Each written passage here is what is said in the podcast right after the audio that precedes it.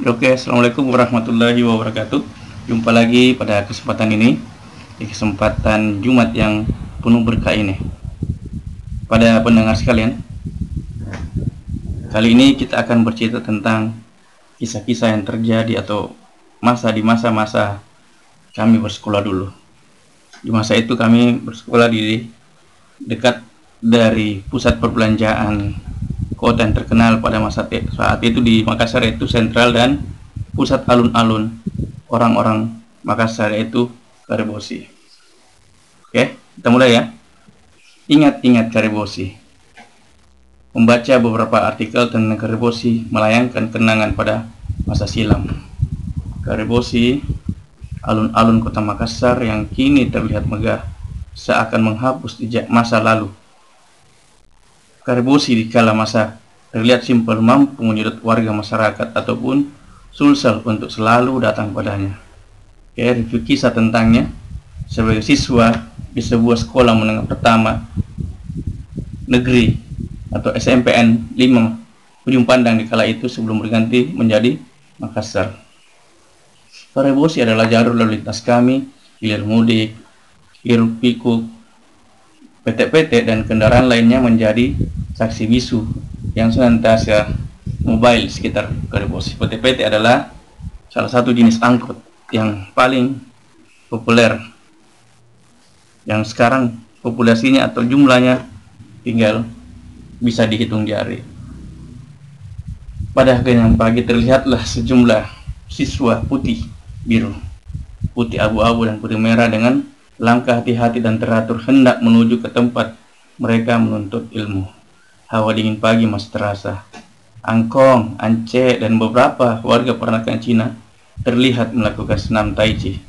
Mata ini pun terpaksa harus menoleh pada mereka karena terlihat unik, menarik, dan atraktif hingga tiba pada gerakan bak jurus kungfu, wushu yang indah mengalir berenergi dan harmoni.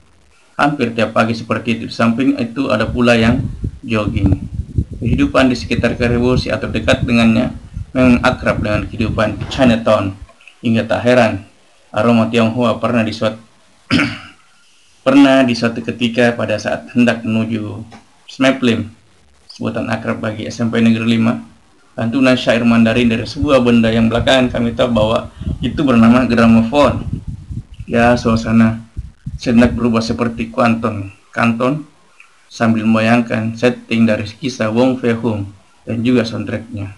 Tapi entah kini apakah masih seperti itu? Ya jauh, jauh sedikit dari Garbosi karena memang jaraknya sekitar Jalan Sumba, Jampea dan nama-nama pulau yang ada di Indonesia.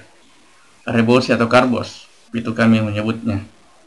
Tak pernah sepi di aktivitas manusia dari pagi hingga malam hari hingga suatu ketika segerombolan putih biru terlihat bergelombang di seputar pohon ki hujan kerebosi pohon yang besar kini masih ada di samping gedung-gedung mewah yang ada di pusat alun-alun Makassar.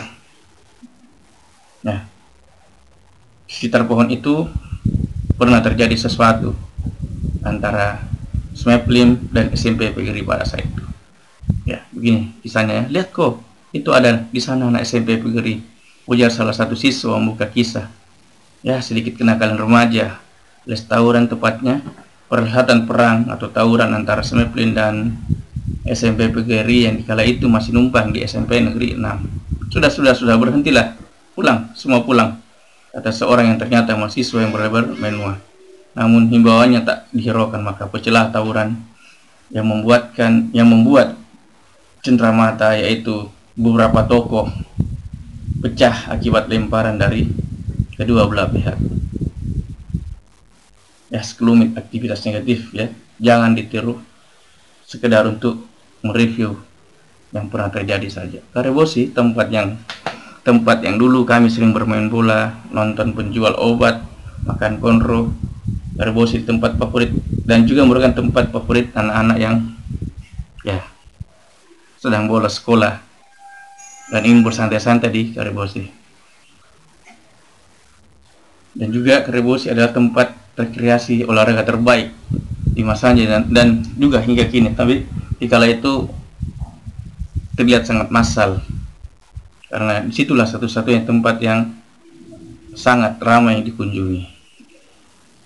Ada tempat itu pula begitu banyak pemain sepak bola profesional yang diorbitkan masuk ke klub besar seperti PSM, Makassar Utama dan di tempat itu pula lah legenda sepak bola Ramang dan kawan-kawannya menjadi ikon sepak bola Sulsel.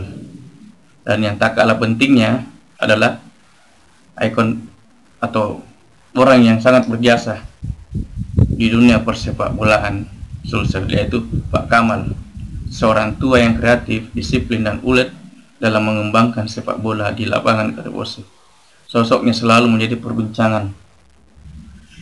Kami apabila melihatnya melatih bermain sepak bola di Karebosi serasa memasuki sesuai sebuah jejaring sosial. Apalagi bagi mereka yang tidak ikut dalam klub bola sepak bola di Karabosi bisa gabung dan limbur ikut bermain asal jumlah pemainnya belum cukup. Ya. Mereka pun boleh silahkan masuk tanpa perlu mempertahankan nama. Kekerapan yang terjalin mengalir hingga tanpa diperkenalkan lambat laun akan dikenal juga jejaring sosial ini jaringnya bisa lebih kuat dari Facebook, Twitter, atau medsos lainnya disebabkan keakraban yang dijalin bukan kekeraban semua tapi keakraban dalam gerak dinamis. Nasib bermain sepak bola di, di Karibosi, permainan yang paling kami nantikan adalah bermain di kala musim hujan. Sliding, gelak tawa, basah, tidak bisa dipisahkan. Bahkan ketika hendak beranjak pulang, tidak jarang angkot atau PT-PT. Tidak ada yang mau sudi menerima kami karena baju sekucur tubuh yang sangat basah kita, di ketika itu.